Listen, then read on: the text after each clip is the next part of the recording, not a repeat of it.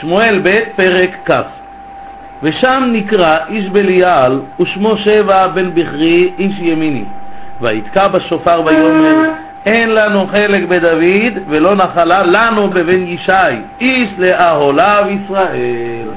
ושם נקרא, זאת אומרת, כביכול בדרך מקרה. באותו מעמד ששם מתווכחים יהודה עם ישראל. זה אלה אומרים לנו המלך, אלה אומרים לנו המלך.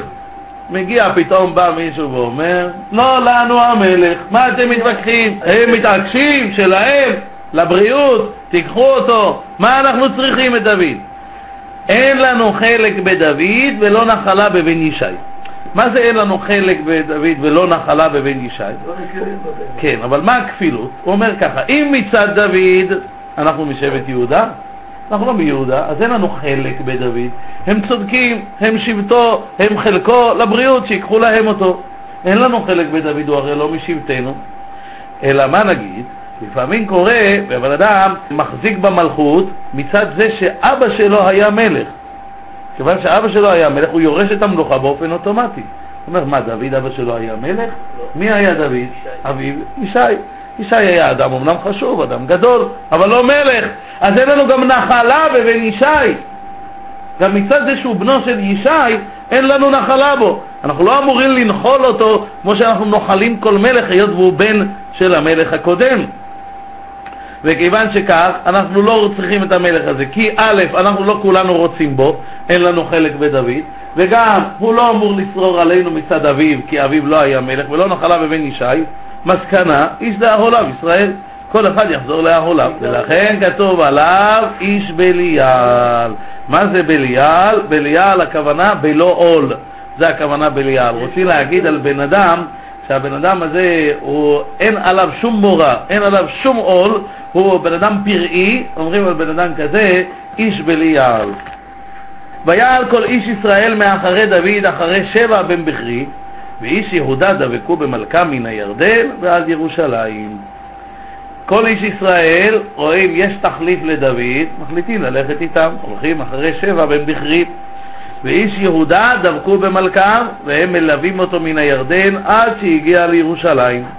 ויבוא דוד אל ביתו ירושלים, ויקח המלך את עשר נשים פילגשים, אשר הניח לשמור הבית, ויתנם ביד משמרת, ויתנם בית משמרת, ויכלכלם, ועליהם לא בא, ותהיינה צרורות עד יום מותן, אלמנות חיות. המלך לקח את עשר הנשים הללו, אבשלום בא עליהן, כזכור לכם, כאשר נטו לו האוהל על הגג, והניח אותם נשים אשר הניח לשמור הבית, נתן אותם ביד משמרת. למה נתן אותם ביד משמרת? מחלוקת בחז"ל. דעה אחת בחז"ל אומרת, מותרות היו לו, אלא שכבש יצרו מהם. למה? כיוון שאני הסברתי את יצרי בדבר האסור לי, אז אני עכשיו מונע מיצרי דבר המותר לי. זה פירוש אחד. פירוש שני אומר, כך דעה נוספת בחז"ל, אסורות היו לו. ומדוע? מפני שאמרו, ומה כלי הדיוט שהשתמש בו המלך, אסור להדיוט עכשיו לחזור ולהשתמש בו. הכלי הזה הוא כלי מעלה של המלך, כלי מלך שנשתמש בו הדיוט, אינו דין שיהיה אסור למלך, ומכל שכן, כיוון שנשתמש בו הדיוט כביכול פגם את הכלי, וממילא הכלי הזה לא ראוי יותר לשימוש, ולכן היו אלמנות חיות. חז"ל אומרים שהוא רצה להראות בזה, כך מבאר המלבים, זה הדבר הראשון שהוא עשה, כי הוא רצה להראות בזה שלאבשלום לא היה אף לא לרגע דין של מלך. כי אם לאבשלום היה דין של מלך, מה הבעיה? זה לא כלי שנפגם על ידי הדיוט, זה היה קודם כל של המלך, ועכשיו זה גם נשאר של המלך. מה נגיד, זאת אישה שזינתה עם בן אדם אחר?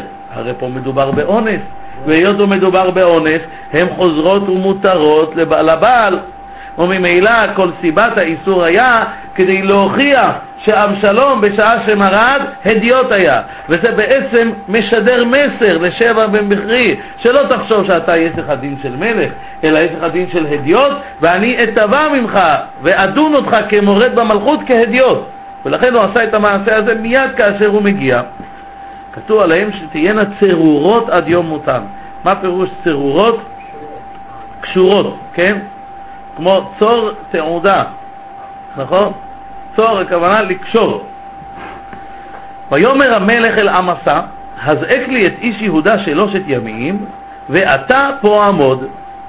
המלך רואה עכשיו צורך לטפל במרד, ולכן לצורך זה הוא זקוק לאיש צבא שיעשה גיוס כללי, צו שמונה לכולם.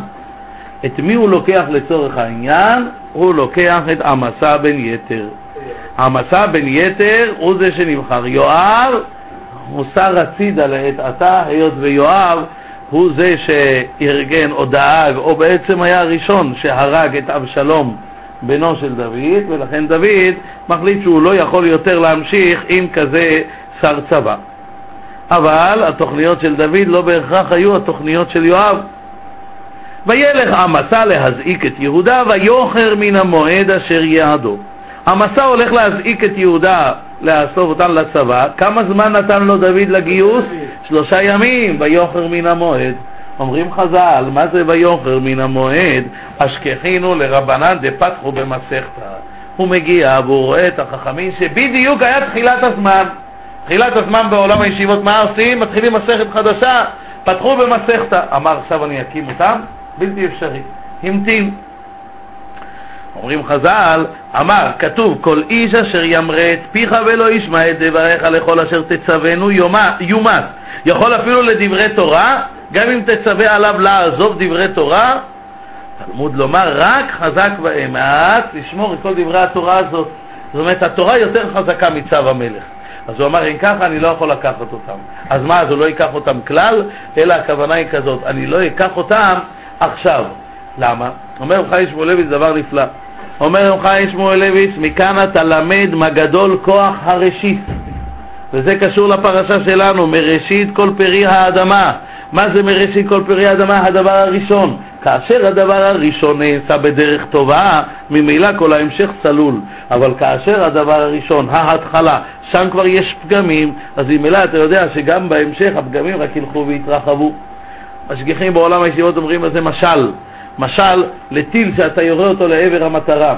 ברגע שהטיל יש לו סטייה של מילימטר על הקרקע, וכשיגיע למטרה זה כבר יהיה מרחקים של קילומטרים. הכל תלוי בראשית. איפה הראשית? וזה גם כן חז"ל אומרים את זה במשל לשתיל. כאשר אתה שותל את השתיל נכון, אתה שותל אותו ישר, הוא יצמח לאילן גדול. אבל יש עצים שאתה רואה שהם לא התפתחו. הם לא התפתחו, הם נשארו קטנים. למה? יכול להיות מאוד שבשלב של השתיל לא השקו אותו מספיק. לא פיתחו אותו מספיק, אז לכן גם בהמשך, אפילו אם אחרי זה תבוא, תתחיל לשים דשן, תיתן תוספות, הוא יישאר נמוך, הוא לא יהיה מפותח. גם בבני אדם אתה רואה את זה, ילדים שעד גיל מסוים, במקום לאכול ארוחות מסודרות, אכלו במבה, אתה רואה שהילד הזה נשאר נמוך, אתה רואה שהוא סובל מאנמיה, אתה רואה שהוא סובל מחוסר ריכוז. אלף ואחת בעיות רופאים מוצאים בכל מיני ילדים שבגיל הקטן לא אכלו כמו שצריך. ויש שלב קריטי מאוד, בגיל של שנה-שנתיים, שאם הילד אז לא מקבל אוכל כמו שצריך, יש לו, נוצר לו פגמים במוח מבחינת תפיסה. נוצר לו פגם שהוא לא יוכל אף פעם לתקן אותו. זאת אומרת, זה פגם שלא, שלא יעבור, שיישאר איתו לתמיד. הכל תלוי בראשית. אם ההתחלה היא טובה, אז הכל ההמשך כבר סלול, וזה נקרא גירסא דיאנקותא. ולכן הוא בא ואומר ככה, הם עכשיו פתחו במסכתא, הם עכשיו מתחילים את הלימוד. אם עכשיו, עד תחילת הלימוד אני אוציא אותם מהלימוד, מה יקרה איתם? כל הזמן, סדר הלימוד של כל זמן חורף או זמן קיץ, מתי שזה היה, הכל יתמוסס. ולכן מה אני אעשה? אומר, אני אדאג שבהתחלה לפחות ניתן להם להתבסס את הסוגיה הראשונה, את הלימוד הראשון, ילמדו את זה כמו שצריך, ולאחר מכן אני אקח אותם, כדי שלא לפגוע בכוח הראשית. ויאמר דוד אל אבישי, אתה ירע לנו שבע בן בכרי מן אבשלום, אתה קח את עבדי אדונך ורדוף אחריו, פן מצא לו ערים בצורות והציל עינינו. הוא אומר, אתה ירע לנו שבע בן בכרי מן אבשלום. זאת אומרת, כעת המצב יהיה יותר גרוע עם שבע בן בכרי מאשר היה עם אבשלום. כי לאבשלום ייתכן מאוד מאוד היה איזשהו רגש של חמלה כלפי אביו. לעומת זאת שבע בן בכרי לא יהיה לו שום רגש של חמלה כלפי אביו. דבר אחד. דבר שני, אצל אבשלום עוד יכול להיות שלעם היו אלו נקיפות מצפון, כמו שראינו אחרי זה. הרי דוד הציל אותנו ועזר לנו, והאם זה ראוי שנלך עם אבשלום? היה להם נקיפות מצפון. ופה אין לנו את זה. אין להם נקיפות מצפון. הנה, באנו, התווכחנו, הם התעקשו הם לקחת את דוד, שיקחו אותו, אנחנו נמליך לנו מלך אחר. אין להם נקיפות מצפון. זה בעיה שנייה. בעיה שלישית, כאשר מרד אבשלום, הייתה לנו חפרפרת בביתו של אבשלום. מי זה היה? חושי הערכי, הוא היה החפרפרת בביתו של אבשלום, והוא זה שבסופו של דבר הצליח לסכל את עצת אחיתופל. אבל כעת אין לנו אף אחד שנמצא כאן בביתו של אה, שבע בן בכרי, ולכן אתה ירע לנו שבע בן בכרי מן אבשלום. ולכן אתה קח את עבדי אדונך ורדוף אחריו, פן מצא לו ערים בצורות והציל עינינו. הציל עינינו, הכוונה יציל את עצמו מעינינו. שמא ימצא ערים בצורות, יתחבא בהם והציל עצמו מעינינו. לא נוכל לראותו, לא נוכל לתופסו. נשים לב שבאמת בתחילה כוונתו הייתה באמת ללכת ולגייס את הצבא, כי העמסה בין יתר איחר. לא הייתה לו כוונה להזיק להעמסה בין יתר. הוא התכוון באמת ללכת, לבסס שוב את המלוכה ולהתגבר על המרד. זו הייתה הכוונה הראשונית. ויצאו אחריו אנשי יואב והכרתי והפלטי וכל הגיבורים, ויצאו מירושלים לרדוף אחרי שבע בן בכרי. יוצאים אחריו, אחרי אבישי, יוצאים אנשי יואב והכרתי והפלטי. היונתן מתרגם קשתייה וקלעיה.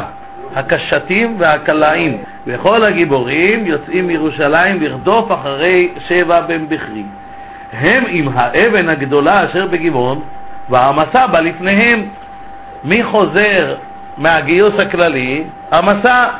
ויואב חגור מידו לבושו, ועליו חגור חרב מצומדת על מותניו בטהרה, והוא יצא ותיפול. כאשר הם באים, הם רואים את המסע מגיע, ואומר לך, ויואב חגור מידו לבושו, ועליו חגור חרב מצומדת על מותניו. מה רוצה לומר לך?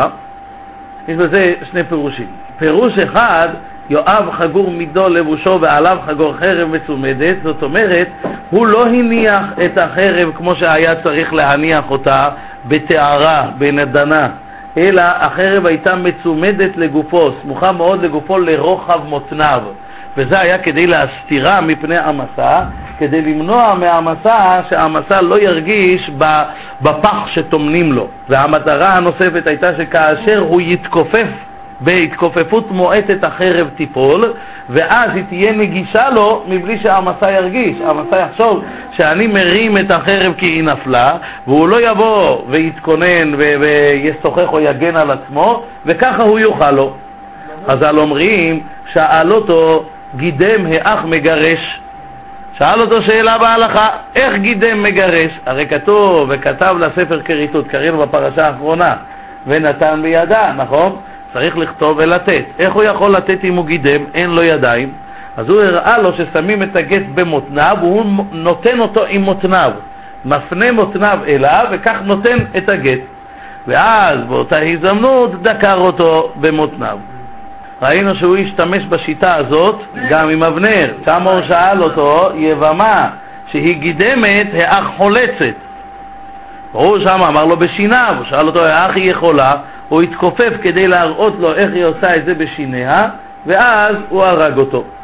וזה לומדים את זה מה שכתוב, וישם דמים בחגורתו אשר במותניו, שם חז"ל לומדים את זה, דורשים את הדרשה הזאת.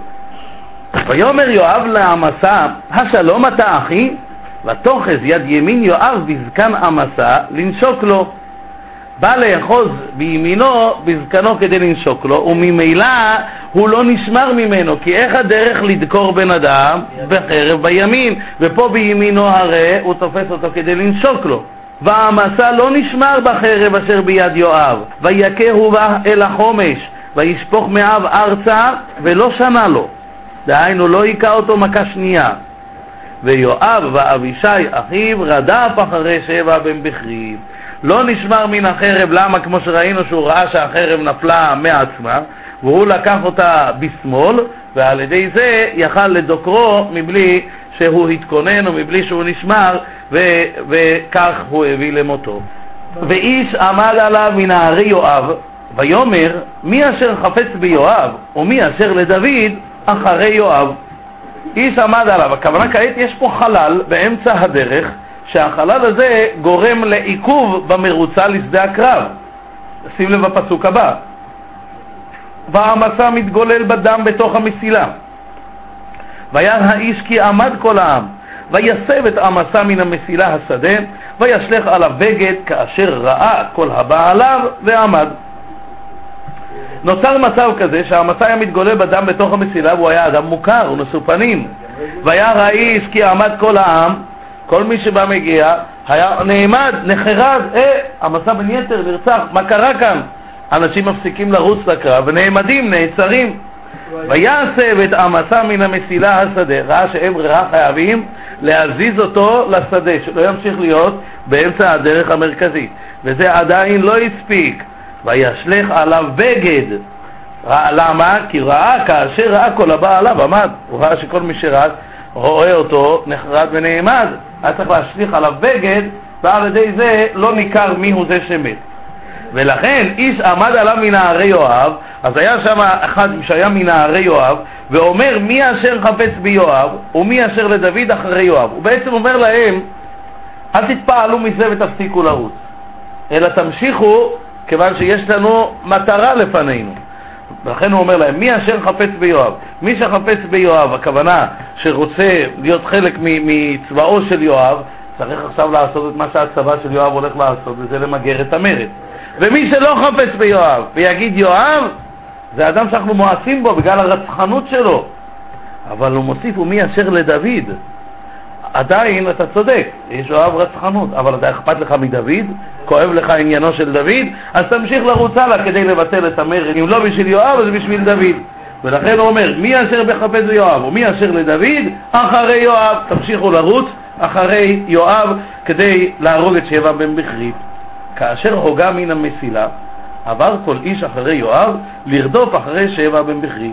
באמת, לאחר שהסירו אותו מן המסילה, במצב הזה כבר לא המשיכו לעמוד, וכולם המשיכו לרדוף אחרי יואב כדי להמשיך לרדוף אחרי שבע בן בכרי. ויעבור בכל שבטי ישראל אבלה, ובית מעכה, בכל הברים, ויקהלו ויבואו אף אחריו. ויעבור בכל שבטי ישראל. על מי נאמר שעבר בכל שבטי ישראל? רש"י אומר, ויעבור בכל שבטי ישראל שבע בן בכרי. למה? כדי לפתות אותם שימליכו אותו עליהם. כך גם כן אומר האברבנאל, ככה מלבי מביא בשמו. מי זה ויעבור בכל שבטי ישראל? שבע בן בכרי, שהוא עבר כדי להקהילם, כדי לאסוף אותם, כדי שיהיו יחד עמו, כרש"י. הרד"ק אומר, ויש לפרש ויעבור על יואב. אומר הרד"ק, אפשר להסביר שה"ויעבור" חוזר על יואב, שיואב, כדי לרדוף אחרי שבע בן בכרי, אז הוא עובר בכל שבטי ישראל, אבלה ובית מעכה וכל הברים, ויקהלו ויעבורו אף אחריו. על מי זה חוזר? אז עוד פעם, אם אני אומר שזה שבע בן בכרי, אז ויקהלו ויעבורו אף אחריו, כמו שנמשכו אחרי אבשלום, נמשכים עכשיו אחרי שבע בן בכרי. ואם אני אומר שמדובר כאן על יואב, ויעבור בכל שבטי ישראל, אז ויבואו אף אחריו, הכוונה באים עכשיו ונמשכים אחרי יואב על מנת למגר את המרד של שבע בן בכרי. שני הפירושים, באמת פירושו של דבר ששני הדברים נכונים מבחינה היסטורית. אפשר להגיד ככה, ויעבור בכל שבטי ישראל אבלה ובית מעכה בכל הברים. הברים אגב זה שם של מקום. אפשר להגיד שזה עשה שבע בן בכרי. עכשיו יואב רודף אחריו, אז ממילא כשיואב מגיע, הוא מגיע לכל שבטי ישראל, אבלה, שואל איפה פה? אמרו לו הלך לכיוון הזה, אז הוא ממשיך לבית מעכה, וכל הברים, זאת אומרת את אותו מסלול עשו גם שבע בן בכרי וגם יואב שבעצם רוצה לרדוף אחריו כדי למגר אותו, ולכן אלה ואלה דברי אלוקים חיים. ויבואו ויצורו עליו באבלה בית המעכה, וישפכו סוללה אל העיר, ותעמוד בחיל. וכל העם אשר את יואב משחיתים להפיל החומה. ויבואו ויצורו עליו באבלה, צרים על שבע בן בכרי, בעיר שנקראת אבלה, בית המעכה. בית המעכה זה המקום, האזור. וישפכו סוללה אל העיר. מה זה פירוש לשפוך סוללה? כאשר היו רוצים לכבוש עיר, היו עושים איזשהו תל גבוה, כבש מהאדמה, על צד חומת העיר, כדי שניתן יהיה לעלות עם זה כל הצבא ולהיכנס לתוך העיר. זה הסוללה. ותעמוד בחיל. חיל זה מלשון כמו חיל וחומה. הפילו את החומה החיצונה, שזה החומה היותר נמוכה, ואז הם עומדים בחומה הפנימית. זה פירוש אחד. יש פירוש אחר, ויעמוד בחיל, יש אומרים, כמו התרגום, והקיפו משריים. הביאו חילות כנגדם, זה הכוונה ויעמוד בחיל. דהיינו צרו על העיר עם חילות רבים, זה חיל מלשון חילות, כן? אגב, איפה מוכר לנו המילה חיל? בארץ ישראל, בית המקדש. היה מקום שנקרא החיל. והחומות מסביב זה היה נקרא החיל. ותקרא אישה חכמה מן העיר, שמעו שמעו, אמרו נא אל יואב, קרב עד הנה ואדברה אליך. מגיעה אישה חכמה ורואה כיצד עומדים פה לכבוש את העיר ולהחריט את כולה, וכיוון שכך היא רואה צורך דחוף ביותר להציל את העיר, איך? בראשו של שבע בן בכרי. הרי שבע בן בכרי הוא לא משלנו, הוא בא לפה כדי להינצל מפני יואב. אז מה? בגללו אנחנו כולנו נמסור את נפשנו? היא קוראת ליואב ובאה ואומרת לו, קרב עד הנה ואדברה אליך. אני מבקשת שתתקרב עד כאן, כי אני רוצה לומר לך דבר חשוב. ויקרב אליה. ותאמר האישה, האתה יואב? ויאמר אני. ותאמר לו, שמע דברי אמתך? ויאמר שומע אנוכי. היא מבקשת ממנו שיהיה מוכן לשמוע ולהקשיב לדבריה. אומר לה בבקשה, ותאמר לאמור, דבר ידברו בראשונה לאמור, שאול ישאלו באבל, וכן התמו. אנוכי שלומי אמוני ישראל, אתה מבקש להמית ואם בישראל, למה תבלע נחלת השם? היא מדברת בלשון לא ברורה, ואל תתפלאו, כי זאת זקנה בת 250 לפחות. מי הייתה האישה הזאת? סרח בת אשר. סרח בת אשר, אומר חז"ל, זאת אותה אישה שהצילה את העיר, ובואו עכשיו נראה מה היא בעצם אומרת לו. דבר ידברו בראשונה לאמור, שאול ישאלו באבל, וכן התמו. אנחנו נסביר קודם כל לפי רש"י. דבר ידברו בראשונה לאמור, זאת אומרת בתחילה דבר ידברו. קודם כל, יש לך לדבר שלום. כי תצור אל עיר, מה כתוב בהתחלה? וקראת אליה לשלום. קודם כל תדבר. למה להרביץ אם אפשר לדבר? דבר ידברו בראשונה, לאמור, ואם שלום יענוך ויפתחו לך, לא תצטרך להכות. שאול ישאלו באבל. אם שאלו בני חילך בשלום העיר הזאת, שאלתם בשלומנו, אולי אנחנו מעוניינים שלום, וכן התמו, ואם ככה הייתם עושים, מיד היינו משלימים. וכן התמו, מיד היה תם הקרב, למה לא עשיתם את זה? המלבי מסביר כך, שהיא אומרת לו, בעיר אבל, שם שואלים ומתפלאים, למה באת? זה שאול ישאלו באבל. כולם שואלים, הלא ראוי שתאמר להם מה חטאם. אם אנחנו לא בסדר, תגיד לנו מה אתה רוצה מאיתנו. שאול ישאלו באבל, שם שואלים, הלא ידברו, דבר ידברו בראשונה לאמור. קודם כל צריך לדבר מה אתה רוצה מאיתנו. זו השאלה שהם שואלים. הם שואלים למה אתה אינך מדבר לאמור, מהי בקשתך?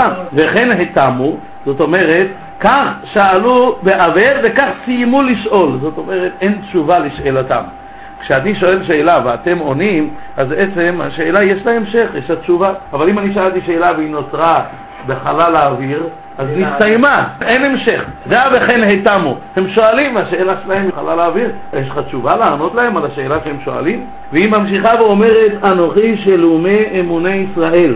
אתה מבקש להעמיד עיר ואם בישראל, למה תבלע נחלת השם? אנוכי שלומי אמוני ישראל. דהיינו, אני מבנות העיר כאן, שאנחנו שלמים ונאמנים לישראל ולמלך, שלומי אמוני ישראל, שלמים ונאמנים לישראל.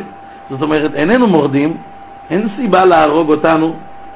חז"ל אומרים, סרח בת אשר הייתה זאת, וכאן היא אומרת לו, אנוכי שלומי אמוני ישראל, אני השלמתי נאמן לנאמן, על ידי נגלה ארונו של יוסף למשה.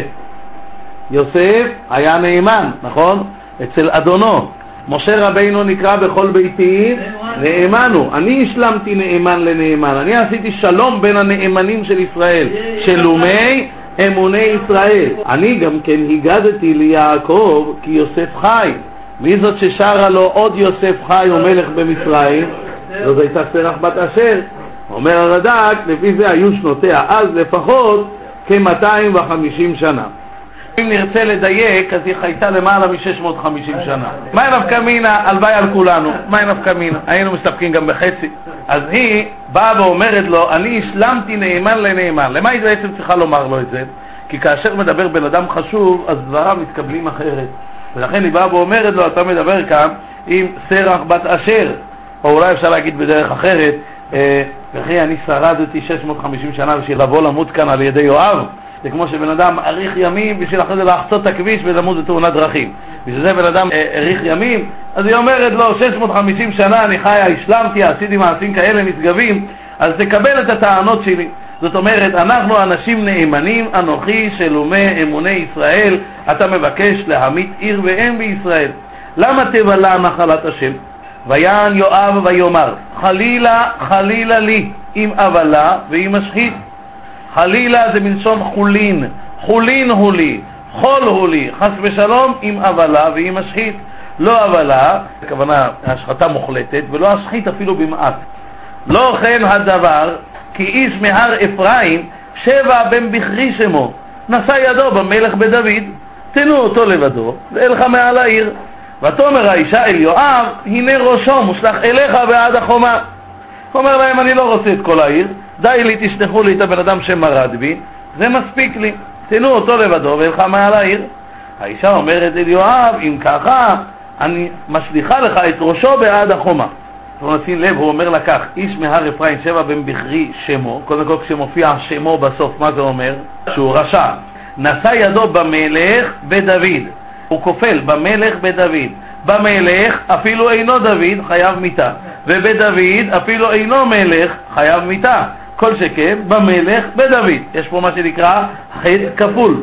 מה הוא אומר לה? את אומרת אנוכי שלומי אמונה, אומר לה לא שלומי ולא אמונה, אם אתם נאמנים כל כך למלך, איך אתם מצפינים אצלכם בן אדם שהוא מורד במלך?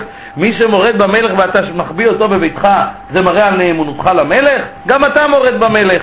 זו הייתה הטענה שלו. אתם אינכם שלומי אמוני ישראל, כי כל עוד אתם מחביאים אותו אצלכם, זה מראה שגם אתם נושאים יד במלך. אם אתם תמסרו אותו בידי, בזה אדע שאכן שלומי אמוני ישראל אתם, שלמים אתם עם ישראל ועם המלך.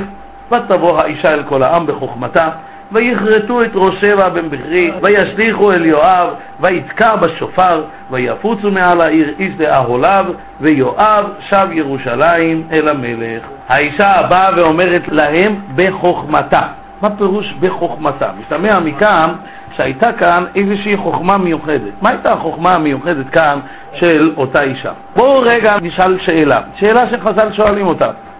אם באים לנו כאן איזושהי סיעה של גויים, יהודים, לא משנה, ואומרים לנו, תנו לנו אחד מכם ונהרגנו. האם מותר לנו למסור אדם מאיתנו? והם אומרים לנו, אם לא תמסרו אותו, נהרוג את כולכם. האם מותר לנו למסור אחד מאיתנו? גויים או יהודים, אין הבדל. האם מותר לנו? אסור. יתרה מכך, גם אם הם אומרים לנו, אנחנו רוצים את פלוני אלמוני, נוקבים בשם, גם אז ימותו כולם ולא ימסרו. אותו דין הגמרא אומרת, אם אומרים לסיעה של נשים, תנו לנו אחת מכם ונטמאנה. אותו דין באותה הלכה. נשאלת אם ככה השאלה, אז איך כאן היה מותר לבוא ולמסור את שבע בן בכרי כדי להגן על כלל העם? בואו נקריא לכם את הלשון של התוספתא. תוספתא תרומות סוף פרק ז'. אמרה להם, הואיל והוא נהרג והם נהרגים, תנוהו להם. זאת אומרת, לא יצא לנו כלום, כי ממילא כולנו נמות. אם היה יכול להינצל, כגון שהוא מבפנים ואתם מבחוץ, ואתם בסכנה והוא יכול להימלט, אין דוחים נפש לפני נפש להורגו בשביל הצלתכם. אבל עכשיו שגם הוא ייהרג עמכם. אם נחביא אותו, נרוויח משהו? למה? כדי שהוא לא ימות? הרי גם הוא ימות. מילא, אם הוא היה ניצל עוד מילא, אבל הרי ממילא גם הוא ימות. אז לא כדאי שרק הוא ימות, מאשר כולנו והוא נמות. הואיל ונהרסו החומות ואין כוח להימלט, מוטב ימות לבדו, ואל תמותו עמו. זאת אומרת, לפי הדעה הזאת, ויש אגב ראשונים שפוסקים כך להלכה, לא הרמב"ם, אבל יש ראשונים שפוסקים כך להלכה, שבעצם אם באים ואומרים לנו תנו לנו אחד ונהרוג אותו, אם לא נהרוג את כולכם, יש למסור להם את אותו אחד, כי הרי לא נרוויח כלום אם לא נמסור אותו, כי ממילא כולנו נמות. הרמב"ם לא פוסק כך, אלא הרמב"ם נוקט שאסור למסור את אותו אדם כמו הדעה השנייה. רבי שמעון אומר כך אמרה להם המורד במלכות בית דוד חייב מיתה. אמרה להם מי שמורד במלכות בית דוד חייב מיתה. בואו נראה, הרד"ק מבאר יותר את הדו-שיח שהיה ביניהם. אומר הרד"ק, אמרה להם, הנה העיר קרובה להיכבש, ויואב יחשוב את כולנו כמורדים במלכות, ולאחר שיכבוש את העיר בחוזקה ולא נשלים עמו, יהרוג כולנו. כי המורד במלכות חייב מיתה, שנאמר כל איש אשר ימרה את פיך יומס. למי זה נאמר? לישוע. יהושע.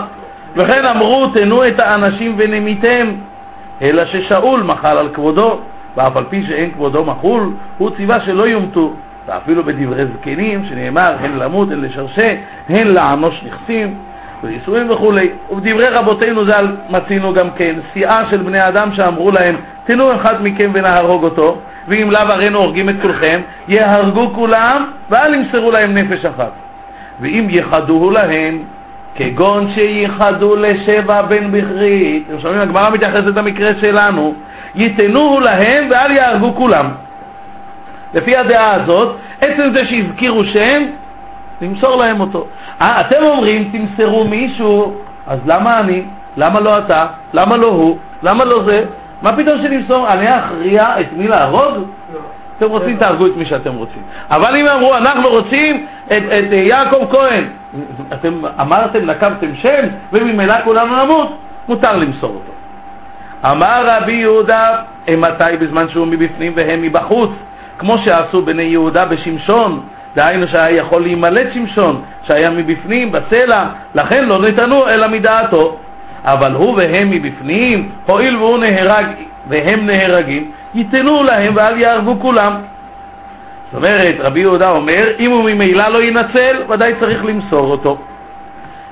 וכן הוא אומר, ותבוא האישה אל כל העם בחוכמתה, אמרה להם, הואיל והוא נהרג והם נהרגים, תנו להם ואל תהרגו כולכם.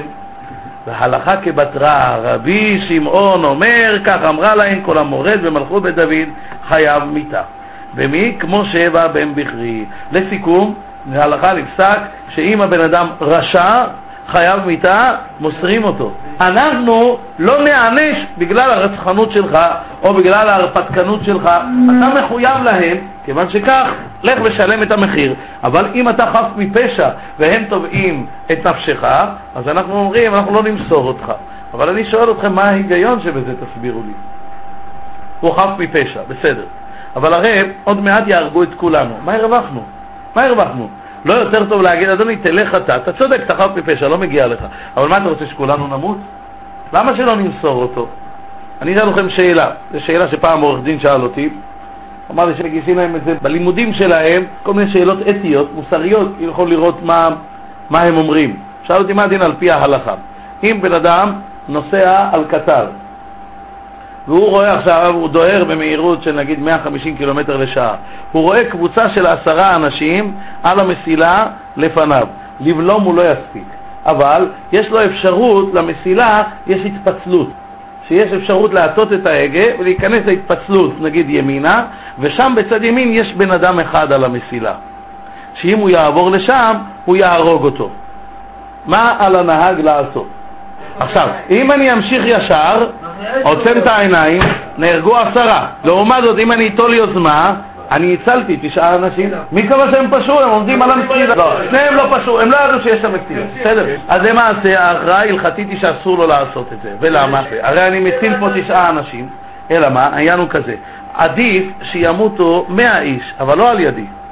אבל הם מתים, נכון, זה רצון השם יתברך. לא על ידי, אני לא עושה מעשה, מאשר בן אדם אחד ימות, אבל אני עשיתי, אני רצחתי אותו. וזה המושג של אין דוחי נפש לפני נפש. בן אדם לא יגיד אני אהרוג את זה כדי שההוא יחיה. אה, אבל אם ההוא ימות, אתה תתערב. ימות זה רצונו יתברך. אבל לעומת זאת, אם אתה עושה מעשה, אז אתה לוקח את האחריות, אתה נחשב כבר כרוצח. ולכן פה לא יגיד אציל את התשעה כדי להרוג מישהו, אין דוחים נפש לפני נפש. וזה בעצם גם כן הסברה כאן. כשאנחנו באים ואומרים, תמסרו לנו את הבן אדם, אנחנו עושים מעשה. כביכול אני אומר, קח תהרוג אותו. אני לא עושה דבר כזה. אתה רוצה להרוג? תהרוג את מי שאתה רוצה. אם לא, אני ארוג, תהרוג את מי שאתה רוצה. תהרוג את כולנו, תהרוג את כולנו. אבל זה אתה עושה. שאני אהיה שותף לפשע ואמסור בן אדם, את זה בשום אופן לא. וזה בעצם הסברה של ההלכה, למה אסור למסור בן אדם, אלא אם כן הוא חייב מיתה. אם הוא חייב, כמו שבע בן בכרי, אז אתה התחייבת בנפשך, לא ייתכן שכולנו נישא בעונש על המעשה שלך. ככה מובא גם כן על יהויקים. אמרו לו ליהויקים נבוכדנצר רוצה אותך, כיוון שהוא מרד בו. אמר להם אפשר כן, וכי דוחים נפש לפני נפש, אתם מחיים נפשכם והורגים אותי? אמרו לו, לא כך עשו אבותינו בשבע בן בכרי, הנה ראשו מושלך אליך, ואתה הרי מרזת במלך, אז מן הדין שתימסר אתה, ולא ניפול כולנו ביד נבוכדנצר, כי אנחנו לא פושעים, ואתה פשעת במלך, לך זה מגיע. ויואב אל כל הצבא, ישראל ובניה בן יהוידע, על הכרתי ועל הפלטי. הוא מונה לנו כאן את השמות של המנהלים של מלכות בית דוד. הוא אומר לנו יואב היה שר הצבא, ובניהו בן יהוידע על הכרתי ועל הפלטי, הסברנו שבפשוטו זה הכוונה על הקשתים ועל הקלעים. ולמה הוא מזכיר לנו כאן את כל זה? כדי להגיד לך שבסופו של דבר יואב היה על כל הצבא, אף על פי שרצה דוד להעבירו ממשרתו ולתת אותה להעמסה, כיוון שהעמסה מת, לא הייתה ברירה אלא להשאיר את יואב על הצבא. מנהל בן יהודה על הכרתי ועל הפלטי, בעצם הוא בא ואומר לך בסופו של דבר, הדבר נשאר כמו שהיה מקדם. והדורם על המס, ויהושפט בן החילוד המזכיר, הדורם על המס, לפני כן לא הוזכר מס, למה? כי לפני כן לא היה צורך לגבות מס, אבל עכשיו, כיוון שמרדו בו בעצת אבשלום, אומרים חז"ל, התחיל לגבות מהם מס, מה שלא היה קודם. ויהושפט בן החילוד המזכיר. מה זה יהושפט בן החילוד המזכיר? הוא היה זה שאחראי להגיד איזה משפט בא לפני המלך. אתם זוכרים מה הייתה השיטה של אבשלום? למשוך את כל העם אחריו? היה כל אחד שמגיע, אומר לו אין לך סיכוי לקבל משפט צדק מאת המלך, אתה לא מעניין אותו, הוא דואג רק לאנשי שבטו וכולי. ככה הוא משך אותם טכנית, אבל איך לפני כן הוא משך את לב העם? בדרך הזאת. ולכן, אומר כאן המלבים, ראה צורך עכשיו דוד לתקן וליישר את עניין המשפט, שיהיה בצורה יותר מסודרת, שלא יהיה רינונים מצד העם. ולכן פה הוא מינה את יהושפט בן החילוד, שיהיה הוא המזכיר. ושבע סופר וצדוק ואביתר כהנים. לעיל ראינו בפרק ח' כתוב צדוק בן אחיטוב ואחימלך בן אביתר כהנים. שם לא הזכירו את אביתר, כי אביתר אז היה כהן גדול. אבל בשלב הזה אביתר כבר סולק מהכהונה הגדולה. מישהו יודע למה? כשדוד ביקש ממנו לשאול באורים ותומים, הוא לא נהנה. ואז הוא אמר לו, אסוף ידיך, אין לנו זמן, אנחנו חייבים לברוח. וכיוון שהוא לא נהנה, הבין דוד שהגיע סופו, הגיע סוף זמנו. ולמה הגיע סוף זמנו? כי הוא היה מבני עלי, ומבני עלי שם נגזר עליהם שלא יהיה להם מעלה, שלא יהיו בגדולה. ובסופו של דבר, בתקופתו של שלמה, הוא סולק באופן סופי. וגם עירה היעירי היה כהן לדוד. עירה היעירי היה כהן לדוד, כהן, יש מסבירים שהיה רע שלו, או שר ושופט, יש אומרים שהיה נותן לו את כל מתנות הכהונה שלו.